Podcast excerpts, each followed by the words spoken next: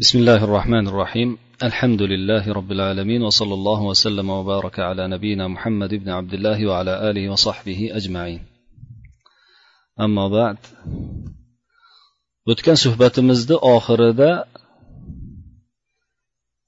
مؤلفني سهيلي رحمه الله ناقل قلب عمرو بن لحي حق داقي خبرك يلب تختقن إيدك مؤلف سوزن آخر ذا tarixi axbori makka degan azruqiyni kitoblaridan naql qilib amr ibn luhay umrida yigirmata tuyaning ko'zini o'yganligini bu tuyaning ko'zini o'yish yigirma mingtadan ortiq tuyasi borligiga dalolat qilishini va ijtimoiy jihatdan juda katta mavqega ega ekanligini aytib o'tgan edi.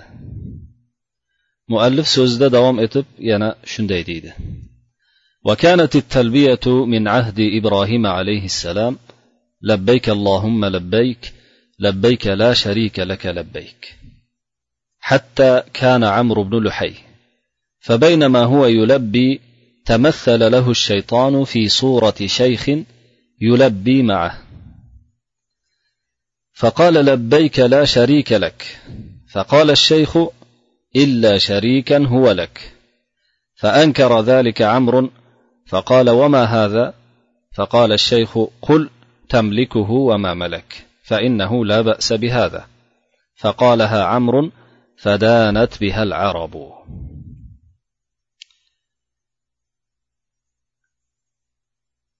hajdagi talbiya aytish ya'ni labbayka aytish ibrohim alayhissalomni zamonidan beri ushbu turda edi. Labbayk allohumma labbayk. Ey ollohim biz sening xizmatingga hozirmiz. Labbayka degani istijabatan laka ba'da istijaba deb arablar tafsir qilishadi. Ya'ni senga ketma ket javob berib hozir bo'lib tayyor turamiz degani. Ey ollohim labbay deb javob beramiz. Sening xizmatingiz xizmatingga tayyormiz. Labbayka yana labbay deb javob beramiz. La sharika lak. Senda senga hech qanday sherik yo'q. Senga hech qanday sherik keltirmaymiz. Labbayka xizmatingga tayyormiz. Labbay deymiz. Shunday xuddi shu suratda amr ibn luhay ham o'zini zamonasida haj paytida aytib turgan edi. U shunday talbiya aytib turgan vaqtida shayton unga o'zi bilan birga talbiya aytayotgan labbayka aytayotgan bir chol suratida keldida amr ibn luhay labbayka la sharika lak ey ollohim senga hech qanday sherik yo'q. Xizmatingga tayyormiz. deb aytib turgan vaqtda haligi chol illa sharikan huvalak magar bittagina sherik bor u ham senga bo'ysungan sherik deb qo'shib qo'ydi. Shunda amr ibn luhay unga inkor nazari bilan norozilik nazari bilan qaradida norozilik bildirib bu nima degani? dedi. Shunda chol aytdiki mana u gapni ham qo'shib qo'ygin. Sen parvardigoro sen o'sha sherikni ustidan hukmronsan. U sherikning hech qanday mulki yo'q. U mulkka ega emas deb qo'shib qo'ygin. Hech narsa qilmaydi. Yaxshi bo'ladi shunda dedi. Amr ibn luhay o'sha cholning aytganini ya'ni shaytonni aytganini qilib ketdi. Amr ibn luhay juda katta ijtimoiy mavqega ega bo'lganligi uchun arablar uning ergasi, e, orqasidan ergashib arablar ham o'sha sherik degan so'zni qo'shib aytib ketishdi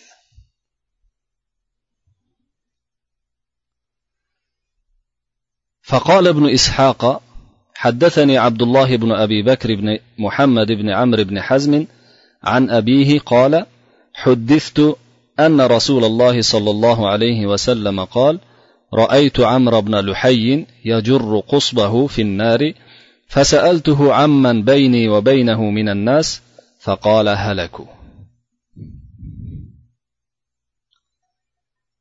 ابن إسحاق شندي من جاء عبد الله بن أبي بكر ابن محمد بن عمرو بن حزم سوز لبيرده. اذن داداسدان. دا. Dadasi aytdiki payg'ambar sollallohu alayhi vasallamdan menga ushbu hadis yetib keldi menga so'zlab berildi dedi. Rasululloh sollallohu alayhi vasallam aytdilarki amr ibn luhayni men do'zaxda ichaklarini sudrab yurganini ko'rdim. Shunda men amr ibn luhaydan men bilan uni orasida bo'lib o'tgan yashab o'tgan odamlar haqida so'raganimda hammalari halok bo'lib ketishgan tamom bo'lgan ya'ni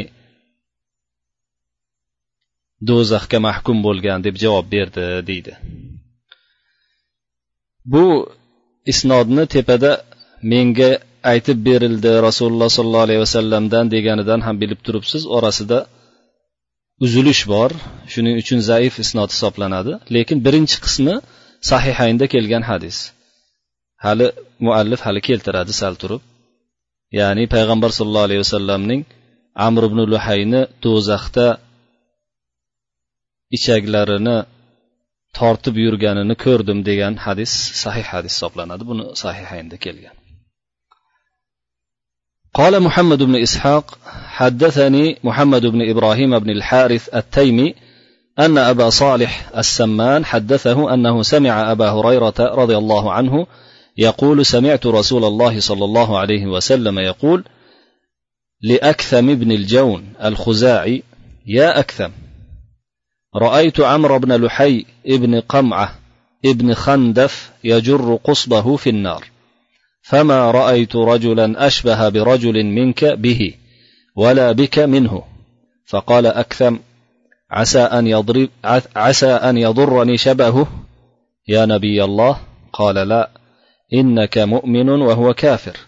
إنه أول من غير دين إبراهيم فنصب الأوثان فبحر البحيرة وسيب السائبة ووصل الوصيلة وحام وحمى الحامي. ibn ishoqdan muallif naql qilib shunday deydi ibn ishoq o'zlarini siray nabaviyalarida shunday deydilar. Muhammad ibn ibrohim taymiy menga so'zlab berdilar. U kishiga abu solih as sammon so'zlab bergan ekanlar. Abu solih as sammon esa payg'am e, hazrat abu hurayra roziyallohu anhudan eshitgan ekanlarki payg'ambar sollallohu alayhi vasallam u kishi aytadilar payg'ambar sollallohu alayhi vasallamning aksam ibnul javn huzaiy degan sahobiyga shunday deyayotganlarini eshitdim. Ey aksam men amr ibn luhayni do'zaxda ichagini tortib sudrab yurganini ko'rdim. Shu odamlar ichida uni senga o'xshash ko'rdim seni ham unga o'xshash ko'rdim. Ya'ni shu oralaringdagi o'xshashlikdan bironta boshqasida ko'rmadim. Bir birlaringga juda o'xshaysizlar ekan dedilar. Shunda aksam aytdiki ey ollohni payg'ambari buning o'xshashi menga zarar qilib qolmasa menga zarar qilib qolarmikin? dedilar. Shunda payg'ambar sallallohu alayhi vasallam aytdilarki yo'q siz mo'min odamsiz u esa kofir. U birinchi bo'lib ibrohim alayhissalomni dinini o'zgartirgan odam. Dinini o'zgartirib butlarni makkaga qadagan bahirani qulog'ini kesib soibani shunday qo'yib yuborgan vasilani ulagan homiyni himoya qilgan odam dedilar. Bu bahira saiba vasila homiy tarjimalari va ularni nima ekanligi hozir keladi. Keyin muallif rahimaulloh bu hadis sahih hadis hisoblanadi. Isnodi ham sahih ibn ishoqdan kelgan isnod sahih hisoblanadi. Endi muallif sahihaynda sahihaynda kelgan ushbu hadisni keltiradilar. Yuqoridagi hadis ma'nosida. وفي الصحيحين عن ابن المسيب قال البحيرة التي يمنع درها للطواغيت فلا يحلبها أحد من الناس. والسائبة التي يسيبونها لآلهتهم لا يحمل عليها شيء. قال أبو هريرة رضي الله عنه فقال رسول الله صلى الله عليه وسلم رأيت رأيت عمرو بن عامر الخزاعي يجر قصبه في النار كان أول من أول من سيب السوائب. والوصيلة الناقة البكر تبكر في أول نتاج الإبل ثم تثني بعد بعد بأنثى وكانوا يسيبونها لطواغيتهم إن وصلت إحداهما بالأخرى أو إن وصلت إحداهما بالأخرى ليس بينهما ذكر والحامي فحل الإبل يضرب الضراب المعدود فإذا قضى ضرابه ودعوه للطواغيت وأعفوه من الحمل فلم يحمل وأعفوه من الحمل فلم يحمل عليه شيء وسموه الحامي. صحيحين ya'ni sahih buxoriy bilan sahih muslimda said ibn musayyib tobeinlarni sayidlaridan biri bo'lmish tobeinlarni eng kattalaridan biri bo'lmish said ibn musayyib rahimaullohdan rivoyat qilib kelinadiki o'sha hadisni abu hurayra roziyallohu anhudan rivoyat qiluvchi kishi bu kishi. U kishi aytadilarki al bahira allati yumna'u darruha lit yuqorida bahira degani keldi. O'sha bahira degani bir tuya yoki qo'y bo'lib tog'utlar ya'ni butlar uchun olloh ollohdan o'zga ibodat qilinayotgan qurbonlik qilinayotgan boshqa ibodat turlari qilinayotgan butlar uchun sut suti sog'ilmay man qilib qo'yiladigan bir hayvondir. Odamlardan birontasi unga tega olmaydi sutini sog'a olmaydi. Mana shunday qo'yib qo'yishadi o'sha butlar uchun atalgan bo'ladi. Shuni bahira deb atardilar deydilar. Soiba esa o'zlarini xudolariga olihalariga shundoq qo'yib qo'yadigan tuya yoki qo'y bo'lib ularni ustiga biron narsa ortmas edilar deydilar. Keyin abu hurayra roziyallohu anhudan boyagi hadisni aytib beradilar. Payg'ambar sallallohu alayhi vasallam aytdilarki amr ibn omir al huzaiy ya'ni amr ibn luhay huzaiyni men do'zaxda ichak chavog'ini sudrab yurganini ko'rdim. Birinchi bo'lib soibalarni qo'yib yuborgan odam shu edi ya'ni tuya qo'ylarni nimalarga atab olihalarga atab butlarga atab hech kim tegmasin deb qo'yib yuborgan odam shu edi deydilar payg'ambar sallallohu alayhi vasallam. Vasila esa hali erkak tuyaga yaqinlashmagan bir urg'ochi tuyadir. Tuya birinchi tuqqanda urg'ochi bola bo'taloq tug'adigan bo'lsa keyin izidan yana bitta urg'ochi bo'taloq tug'adigan bo'lsa o'sha birinchi tug'ilgan urg'ochi bo'taloqni qo'yib qo'yardilar o'zlarini olihalari butlari o'sha tavog'itlari uchun tog'utlari uchun. Orasida erkak bo'taloq tug'ilmagan bo'lsa shunaqa qilib ketma ket ikkita er, urg'ochi bo'taloq tug'ilgan bo'lsa birinchisini shunaqa o'zlarini olihalariga ilohlariga qo'yib qo'yardilar. Atab o'shalarga atab buni vasila deb atalar edi deydilar. Rahimaulloh ham esa tuyaning erkagidir. Ma'lum bir vaqtgacha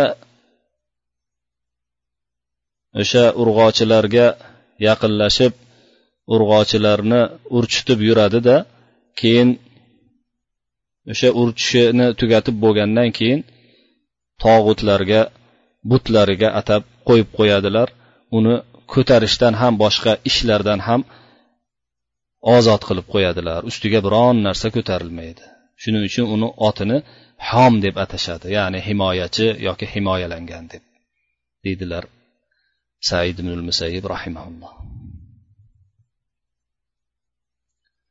قال ابن إسحاق ويزعمون أن أول من كانت ويزعمون أن أول ما كانت عبادة الحجارة في بني إسماعيل أنه كان لا يضعن من مكة ضاعن منهم حتى ضاقت عليهم. فالتمسوا الفسح في البلاد. فكان لا يضعن منهم ضاعن إلا حمل معه حجرا من حجارة الحرم تعظيما للحرم. فحيثما نزلوا وضعوه فطافوا به كطوافهم بالكعبة حتى سلخ ذلك بهم إلى أن كانوا يعبدون ما استحسنوه من الحجارة وأعجبهم حتى خلفت الخلوف ونسوا ما كانوا عليه واستبدلوا بدين إبراهيم وإسماعيل غيره فعبدوا الأوثان وصاروا إلى ما كانت عليه الأمم قبلهم من الضلالات. Ibn ishoq rahimaulloh o'zlarini siyratlarida aytadilarki siyra kitoblarida aytishlaricha banu ismoil avlodida ya'ni ismoil alayhissalomni avlodida toshlarga sig'inish toshlarga ibodat qilishni boshlanishi makkadan shundan iborat ediki makkadan biron bir safarga chiquvchi safarga chiqadigan bo'lsa safarga chiqadigan bo'lsalar. Makka ularga juda aziz ko'rinib yuraklari torayib makka ni qo'msab qolardilar. Yoki bo'lmasa makka ularga torliq qilib ko'rinib qolardida mamlakatlarda kenglikni xohlab boshqa joylarga safar qilib boshlardilar. Ular o'zlari bilan safar qilib boshlaganlarida safarga chiqqanlarida haram toshlaridan ya'ni makkatullohni yoki kabatullohni toshlaridan atrofidagi toshlardan birini bitta toshni ko'tarib olardilar. Haramni ulug'laganliklari jihatidan. Qayerga tushsalar safar qilib yurgan joylarida toshni qo'yardilarda xuddi kabani atrofini tavof qilgandek toshni ham shunday tavof qilib qo'yardilar. Hatto ularni shunaqa qilishlari shunga borib yetdiki o'zlari yaxshi ko'rgan makkani toshlari emas o'zlari qatta yaxshi ko'rib qolsalar biron toshni chiroyli ko'rinib qolsa ko'zlariga o'shani ushlab olib ibodat qiladigan bo'lib ketdilar deydi ibn ishoq keyin ibn ishoq so'zida davom etib aytadiki undan keyin boshqalar ularni orqasidan kelganlar kelaverdi. Yuqoridagi bobolarini ishlarini eslaridan chiqarib yuborishaverdi. Hatto ibrohim va ismoil alayhissalomni dinlarini o'rniga boshqa bir din bo'lmagan narsani almashtirib olishib butlarga toshlarga ibodat qiladigan bo'lib ketdilar. Ilgargi ummatlar qanday zalolatda bo'lsalar adashishda bo'lsalar bular ham o'shanga sho'ng'idilar deydi ibn ishoq rahimaulloh وفيهم على ذلك بقايا من دين إبراهيم يتمسكون بها من تعظيم البيت والطواف به والحج والعمره والوقوف بعرفه ومزدلفه واهداء البدن والاهلال بالحج والعمره مع ادخالهم ما ليس فيه فكانت قريش وكنانه إذا أهلوا قالوا لبيك اللهم لبيك لبيك لا شريك لك إلا شريكا هو لك تملكه وما ملك. فيوحدونه بالتلبية ويدخلون معه أصنامهم ويجعلون ملكها بيده. انتهى كلام ابن إسحاق. keyin ibn ishoq so'zlarida davom etib yana shunday deydilar ularni ichida shunday bo'lsada ibrohim alayhissalomni dinlaridan qolgan qoldiqlari bor edi. O'shani mahkam ushlab yurardilar bular. Ibrohim alayhissalomni dinidan qolgan deb qattiq e'tiqod qilib mahkam ushlab yurardilar. Bu qolgan qoldiqlar baytullohni ulug'lash baytullohni tavof qilish hajga chiqish umra qilish arafotda turish muzdalifaga kelib turish tuyalarni va boshqa jonzotlarni hadiy qilib qurbonlik qilish haj paytlarida haj bilan umraga umra qilganlarida haj bilan umra qilganlarida o'sha labbaykani aytish shularni mahkam ushlab yurardilar. Lekin o'sha labbaykani aytganlarida yuqorida aytganimizdek ibn ishoq ham shu yerda aytyaptilar unda bo'lmagan labbaykada bo'lmagan narsalarni qo'shish bilan birga. Mana quraysh va kinona qabilalarini barchalari tahlil aytib ehlol aytishgan paytda labbaykani boshlashgan vaqtda aytardilarki labbayk allohumma labbayk. Ey ollohim senga labbay deb javob beramiz tayyormiz xizmatingga. La sharikalak sening hech qanday sheriging yo'qdir. Illa sharikan huvalak magar bitta sherik bor u ham bo'lsa seniki o'sha sherik. Sen uni ustidan hukmdorsan sen uni moliksan u esa hech qanday mulkka ega emas deb qo'shib qo'yardilar.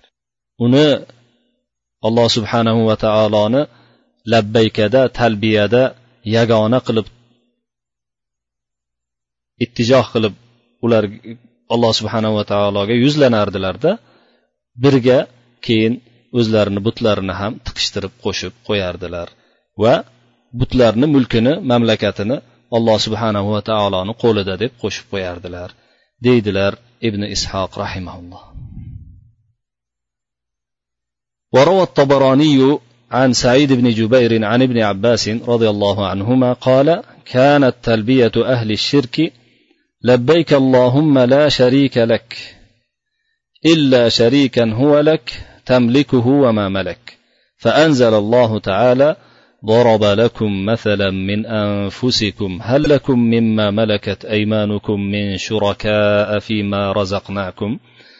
هل لكم مما ملكت أيمانكم من شركاء فيما رزقناكم؟ فأنتم فيه سواء. الآية. Imom tabaroniy o'zlarini mo'jamlarida katta mo'jamlarida mo'jamul kabirlarida ham avsatlarida ham said ibn jubayr rahimaullohdan rivoyat qiladilar. Said ibn jubayr esa ibn abbos o'zlarini ustozlari ibn abbos roziyallohu anhudan rivoyat qilib aytadilarki ibn abbos aytadilarki ahli shirkning shirk ahlining talbiyasi labbaykasi labbayk allohumma labbayk la sharika lak illa sharikan huva lak tamlikuhu va ma malak edi. Boya biz tarjimasini ikki uch marta qilib o'tdik. Mana shunday der edilar. Shunda alloh subhanahu va taolo ushbu oyatni nozil qildi deydilar ibn abbos roziyallohu anhu. Suray rumdagi yigirma sakkizinchi oyatni min anfusikum. Alloh subhanahu va taolo sizlarga o'zlaringizdan bir misol keltirdi. Sizlar uchun qo'llaringizdagi qullaringizdan ya'ni o'zingiz molik bo'lgan qo'l ostingizdagi qullaringizdan biz sizlarga rizq qilib bergan molu mulkka sherik bo'lib oluvchilar bormi? Sherik bo'lib keyin siz bilan bab barobar bo'ladigan teng bo'ladigan kishilar bormi? degan oyatni nozil qildi deydilar. ibn abbos roziyallohu anhu keyin muallif bu yerda tafsirini aytadilarki قال المفسرون والمعنى أيرتضي أحد منكم أن يكون عبده شريكا له في ماله فهو فيه على السواء mufassirlar aytadilarki buni ma'nosida deydilar muallif sizlardan biron kishi o'zining quli qo'l ostidagi quli unga o'zini molida sherik bo'lishiga rozi bo'ladimi teppa teng sherik bo'lishiga قال أبو مجلز إن مملوكك لا تخاف أن يقاسمك مالك وليس له ذاك كذلك الله لا شريك له abu mijlaz degan mufassir rahimaulloh aytadilarki sizning qo'l ostingizdagi kishi qo'l ostingizdagi kishining moli dunyoyingizni siz bilan baham ko'rishini taqsimlab olishini taqsimlab olishidan qo'rqmaysizmi?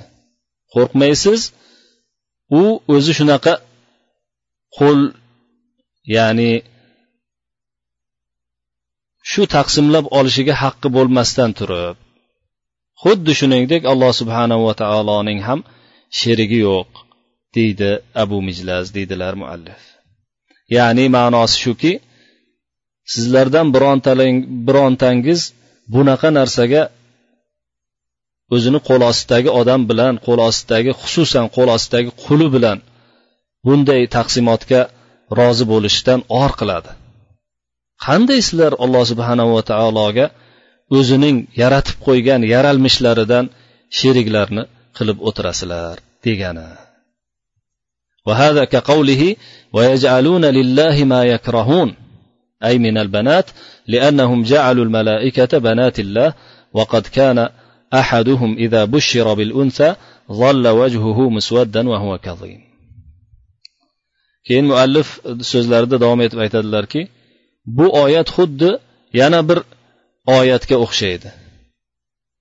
Suray rumdagi suray nahldagi oyatga o'xshaydi. Deydi alloh subhanava taolo.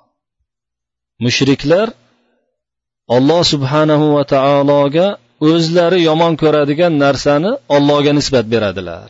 Ya'ni o'zlari qiz ko'rishni mushriklar juda yomon ko'rar edilar qiz farzandlik bo'lishni. Yana olloh subhanahu va taologa maloikalar farishtalar ollohni qizlaridir deb nisbatini beradilar deydi alloh subhanava taolo. Chunki ular farishtalarni ollohni qizlari deb aytishar edilar. Ularni bittalari o'zlari esa o'zlaridan bittalari esa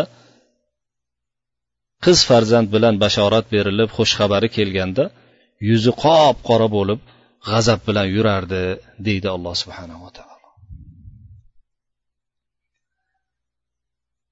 قال هشام بن محمد بن السائب الكلبي وكان من أقدم أصنامهم منات وكان منصوبا على ساحل البحر من ناحية المشلل بقديت بين مكة والمدينة وكانت العرب جميعا تعظمه وكانت الأوس والخزرج ومن ينزل المدينة ومكة وما قاربه من المواضع يعظمونه ويذبحون له ويهدون له ولم يكن أحد أشد إعظاما له من الأوس والخزرج tarixchi hishomni muhammad al kalbiy degan odam o'zining asnom degan kitobida butlar degan kitobida shunday deydi arab mushriklarining eng qadimgi butlaridan bittasi manot nomli but edi. Manot dengiz bo'yiga qadalgan butlardan biri edi. O'sha makka bilan madinani orasidagi qudayt degan joyning mushallal degan nohiyasini atrofida dengizni bo'yiga qurilgan qadalgan butlardan bittasi edi. Arablar bu butni juda qattiq ulug'lar edilar. Avs bilan hozir hazraj hamda madina va makkaga kelib turgan odamlar va uni atrofidagi boshqa yerlardan kelganlar bu butni juda qattiq ulug'lar edilar. Buning uchun bu but uchun atab qurbonliklar qilar edilar unga hadyalar yuborar edilar. Avs bilan hazrajdan ko'ra ham qattiqroq ularni bu butni ulug'laydigan kishilar yo'q edi deydi kalbiy kalbiy so'zida davom etib aytadiki min qurayshin عن أبي عبيدة ابن عبد الله ابن أبي عبيدة ابن محمد ابن عمار ابن ياسر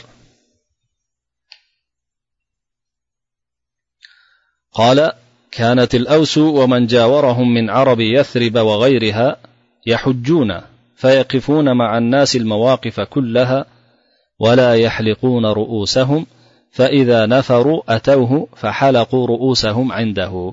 لا يرون لحجهم تماما إلا بذلك. وكانت مناة لهذيل وخزاعة فبعث رسول الله صلى الله عليه وسلم عليا فهدمها عام الفتح. hishom ibn muhammad al kalbiy o'zini so'zida davom etib aytadiki menga bizga qurayshdan bir odam abu ubayda ibn abdulloh ibn abi ubayda ibn muhammad ibn ammor ibn yosir ya'ni ammor ibn yosir roziyallohu anhuni avlodlaridan biri bo'lgan abu ubaydadan hikoya qilib shunday deydi deydi. Avs bilan hazraj va ularni atrofida avs va ularni atrofida qo'shni turadiganlar ya'ni yasrib arablaridan iborat bo'lgan. Yasrib madinani eski nomi.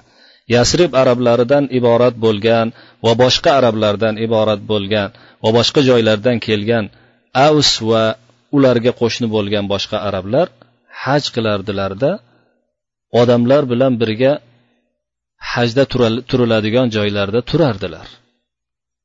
Mino bo'lsin arafot bo'lsin muzdalifa bo'lsin turardilar. Lekin sochlarini oladigan paytda sochlarini olmasdan pastga tushib haligi butni yoniga kelardilarda uni peshtoqida yoki uni o'shani tagida sochlarini olar edilar. Hajlarini to'liq bo'lishi uchun shuni e'tiqod qilardilar. Bunday bo'lmasa bo'lmaydi hajimiz deb e'tiqod qilardilar. Manot degan yana bir shu ismdagi but huzayl va huzoa qabilalariniki ham edi. Rasululloh sollallohu alayhi vasallam hazrat alini o'sha butlarni yiqitish yilida fath bobi e, fathi makkada shu butga jo'natganlar u kishi borib bu butni sindirib buzib kelganlar deydilar muallif. ثم اتخذوا اللات بالطائف وهي أحدث من منات وكانت صخرة مربعة وكانت سدنتها من ثقيف وكانوا قد بنوا عليها وكانت قريش وجميع العرب تعظمها وبها كانت العرب تسمي زيد اللات وتيم اللات وكانت في موضع منارة مسجد الطائف اليس اليسرى اليوم. فلم تزل كذلك حتى بعث رسول الله صلى الله عليه وسلم المغيرة بن شعبة فهدمها وأحرقها بالنار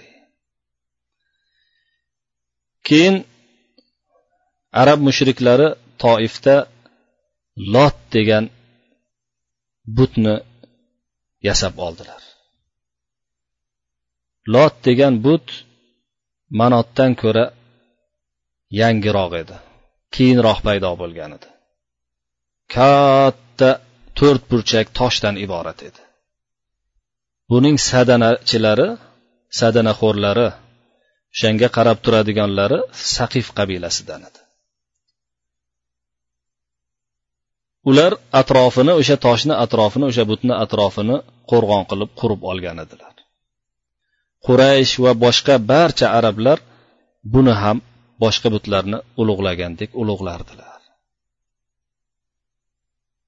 Arab shu butni tagida shu butni atrofida o'zlarini farzandlarini nomlab ketardilar.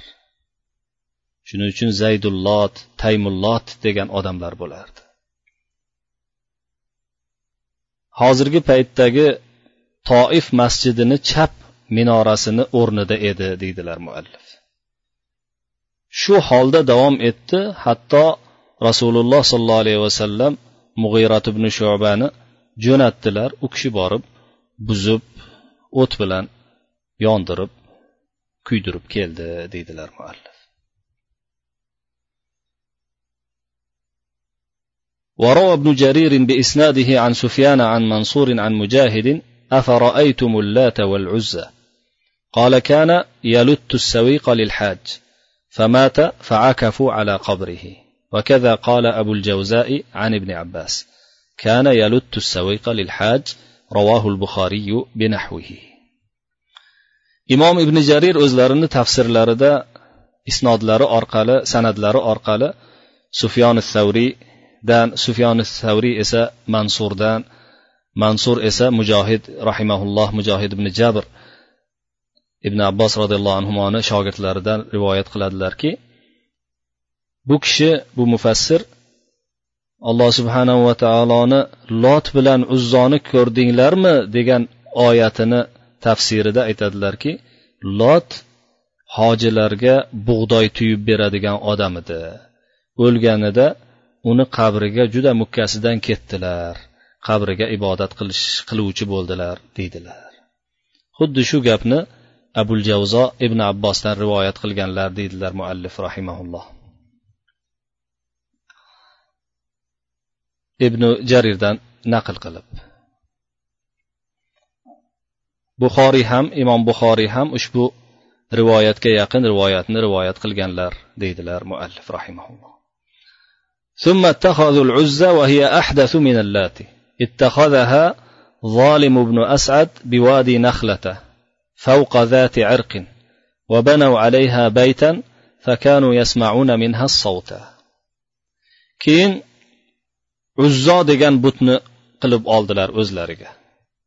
Uzzo degan but lotga qaraganda ham keyinroq paydo bo'lgan yangiroq but hisoblanadi. Bu butni zolim ibn asad degan odam nahla soyini oldida zoti irq deganni tepasida yasab o'sha yerda joylashtirib qurib oldi. Uni atrofiga uy ham qurib oldilar. Uni ichidan ular ovoz eshitib turardilar deydilar muallif. قال هشام وحدثني أبي عن أبي صالح عن ابن عباس رضي الله عنهما قال كانت العزى شيطانة تأتي ثلاث سمرات ببطن نخلة فلما افتتح رسول الله صلى الله عليه وسلم مكة بعث خالد بن الوليد فقال ائت بطن نخلة فإنك ستجد ثلاث سمرات فاعضد الأولى فأتاها فعضدها فلما جاء إليه قال هل رأيت شيئا؟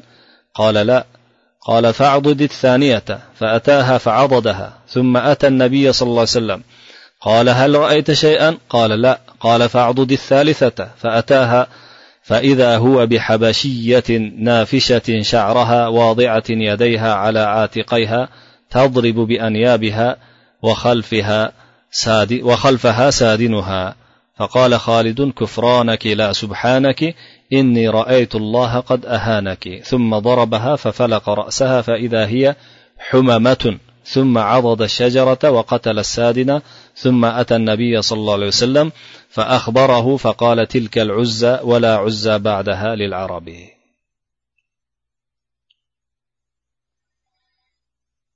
هشام kalbiy aytadiki menga dadam aytib berganlar. Dadamdan e, dadam esa abu solih ibn abbosni shogirdlari abu solihdan rivoyat qiladilar. Abu solih esa ibn abbosdan. Abu solih bu ibn abbos roziyallohu anhudan rivoyat qiladigan abu solih. Abu hurayra roziyallohu anhudan rivoyat qiladigan abu solih emas. U kishi sahihaynni roviylaridan hisoblanadilar. Bu odam abu solih esa ibn abbosdan rivoyat qiladigan abu solih esa boshqa abu solih hisoblanadi sanadida rivoyat qiladigan bo'lsalar zaif bo'lib qoladi bu rivoyat. Shuning uchun bu rivoyat zaif. Zaif bo'lsa ham muallif aytib o'tganligi uchun aytib o'tib ketamiz. Ibn abbos roziyallohu anhu aytdilarki uzzo nahla vodiysida nahla vodiysini boya aytib o'tmabmiz. Nahla vodiysi toifni toif bilan makkani orasidagi makkadan taqriban yetmish kilometrlar uzoqlikdagi zoti irq degan odamlar makkadan taraf e, toif tarafdan keladiganlar iroq tarafdan keladiganlar hajda ehrom baylaydigan joyni oldidagi nahla vodiysida joylashgan nahla vodiysi o'sha yerda o'sha joyda joylashgan.